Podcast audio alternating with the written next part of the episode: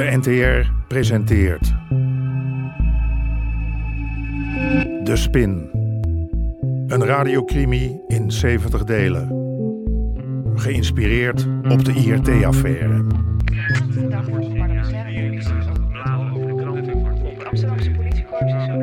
Aflevering 61.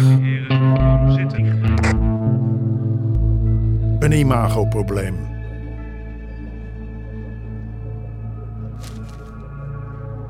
Jezus Christus, waar slaat dit Nou op, jongens, joh? ga die vakantie maar plannen. We Ja, maar hoe, hoe komen ze in godsnaam aan die informatie? Nou ja, inpakken. Ja. Weg geweest jongens. was leuk. was nee, leuk dit is het einde. Dus we kunnen wel Hey, ophouden. Hofstra, ben je er eindelijk? Wat nou weer? Lees jij geen krant of zo? Nou, het is anders ook op de radio geweest, hè? Wat? Wat is er? Nou, hier. Het RGM laat tonnen drugs door. Aan de vooravond van het verhoor door de enquêtecommissie is er verbijsterend nieuws. Het RGM zou de afgelopen jaren grote hoeveelheden drugs hebben doorgelaten. Volgens bronnen die anoniem willen blijven, is er sprake van corruptie op grote De schaal. politiek is verbijsterd. De grote vraag is of de leden van het RGM ook zelf hebben geprofiteerd. Er zouden grote bedragen zijn opgestreken. Volgens ingewijden gaat het om tonnen. Miljoenen volgens sommigen. Ik kreeg het gevoel dat we een belegerde vesting waren. Gebombardeerd. Niet door onze vijanden, de directie of Armin Oost. Nee, we waren het slachtoffer van friendly fire. Hoewel, friendly. Het was niet vriendelijk. En zeker niet per ongeluk. Ah, daar is die. Onze partner in crime. Ik zou wel eens willen weten waar ze die informatie vandaan halen. Hm, Volgens ingewijden. Welke ingewijden? Drie keer aan. Amsterdam. En één keer goed. Kut, kut, kut, verdomme! Ik dacht dat jij goede contacten had bij de pers. Nou, Amsterdam klaarblijkelijk ook. Kunnen ja. we niet in de tegenaanval gaan? Als zij ons via de pers beschuldigen, mogen wij dat toch ook? Dat kan, maar dan moet ik wel wat hebben. Die partij uit Maastricht? Beetje oud nieuws misschien. Die advocaat, Trompenberg, die beweert bewijs te hebben van corruptie bij de Amsterdamse politie. Zwart op wit. Nou, dan wacht ik nog even tot hij met iets komt. Hij heeft trouwens ook bewijs dat Lagarde belasting ontduikt. Wat? Maar ik wil toch wel alles op alles zetten om er voor drugs te pakken. Tuurlijk. Maar het maakt deze dag wel een beetje draaglijk. Ja, ik wil jullie feestvreugde niet bederven, maar jij moet voor de commissie opdraven, toch? Ja, Ik hoorde dat je van plan bent daar met een masker op te gaan zitten.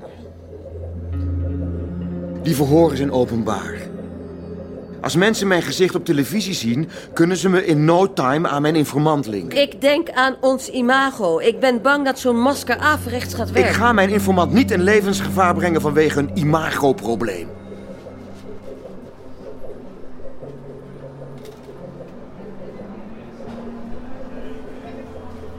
Een NRC'tje en een parool, meneer.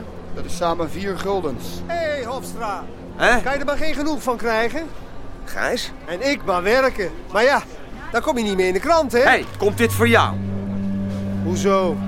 Dat korps van jou is zo corrupt als de pest, man. Zeg, hou eens even op, klootzak. Hè? Even dimmen, hè? Ik sta Ah! niet in de krant. Je bent er altijd al goed in geweest, jij, hè? Bewijsplanten, je indekken, de bal doorschuiven naar andere vuile maten Oké. naaien. Hé, hé, hé. Niet bij mij gedaan. Of moet ik de politie erbij halen?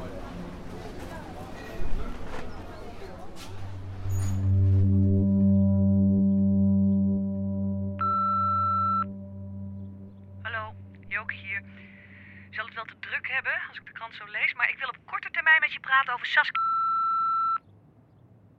Rot op.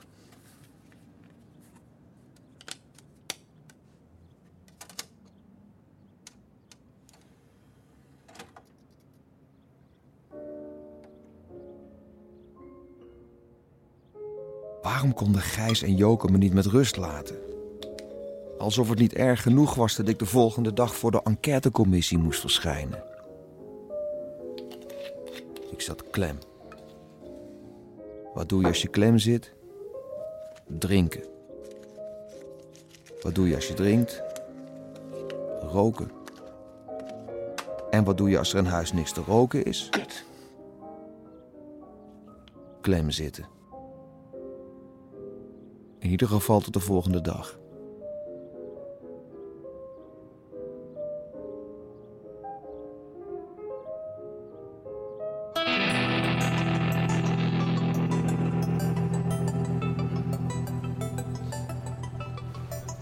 Aan de orde is het verhoor van de heer W. Hofstra, wiens verdere personalia ik geverifieerd heb. Meneer Hofstra, wilt u opstaan voor het afleggen van de eed? De door u af te leggen eed luidt: Ik zweer dat ik de gehele waarheid en niets dan de waarheid zal zeggen. Zo waarlijk helpen mij God Almachtig. Meneer Hofstra, heeft u de verkleedkist van uw kinderen omgekeerd? Nee. Kunt u mij dan uitleggen waarom u in godsnaam een pruik en een feestneus draagt? Ik wil niet dat mijn gezicht herkend kan worden.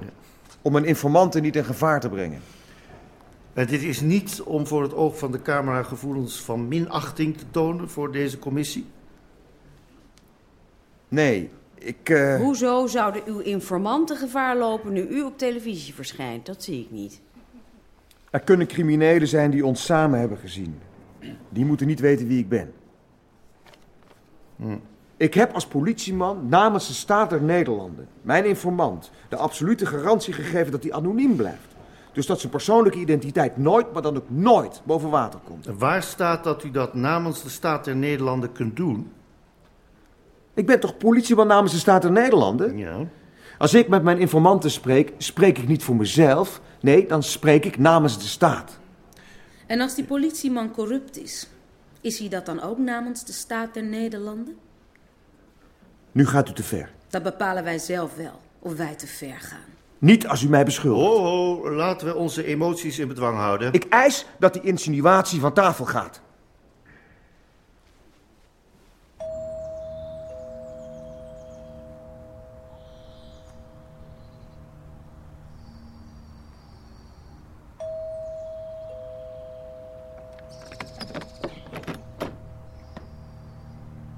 Meneer Trompenberg, hadden wij een afspraak?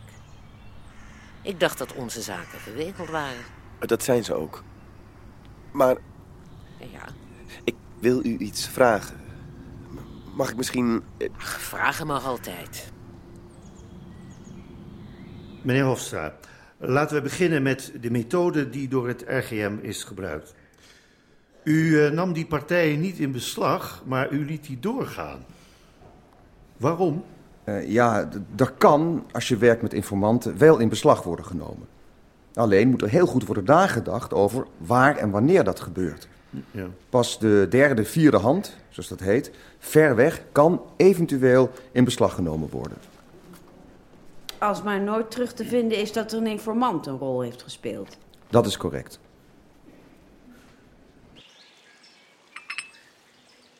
Zo, koffie. Nou, meneer Trompenberg, vertel eens, wat zit u dwars? Armin Oost. Ja, Armin Oost perst me af. een vos verliest wel zijn haren, maar niet zijn streken, zullen we maar zeggen. Ja. Hij bedreigt me.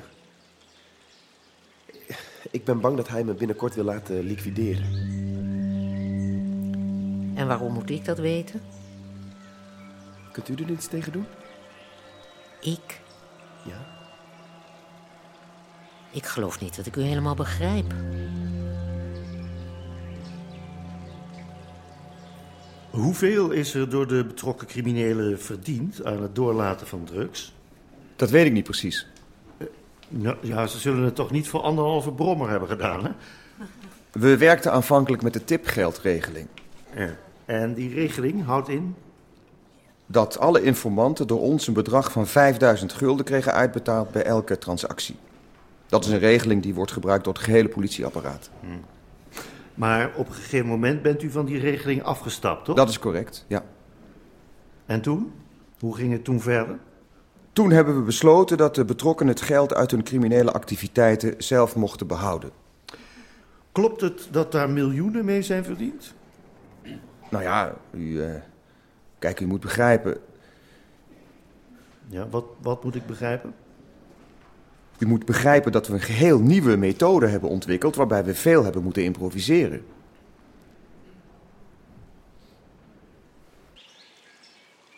Dus als ik het goed begrijp, bent u hier naartoe gekomen met de gedachte dat ik iets zou kunnen uitrichten in dat. Wat u mij zojuist vertelde. Ja? Hoe komt u daarop? U moet Armin Oost toch kunnen overhalen mij met rust te laten?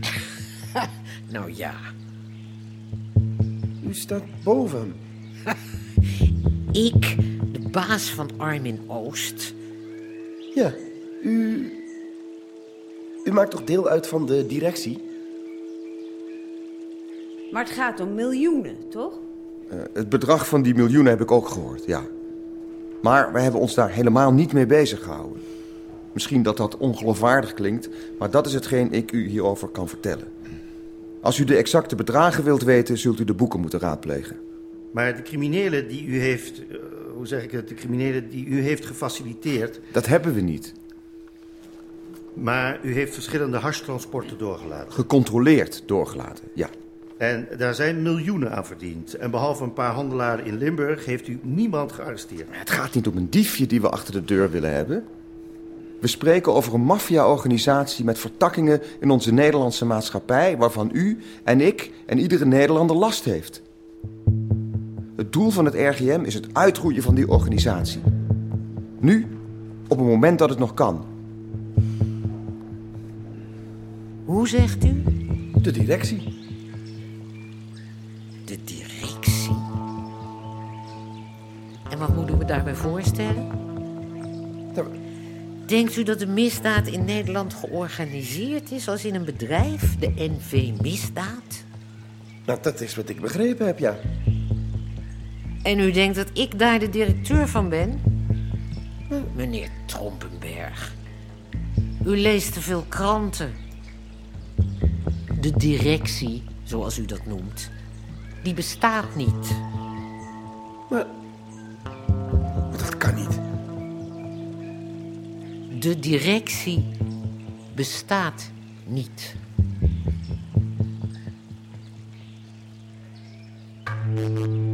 U hoorde onder meer Hein van der Heijden, Fred Goesens en Sanne den Hartog. Regie Chris Baayema en Jeroen Stout. Scenario Stan Lapinski. Bezoek de website ntr.nl slash de spin.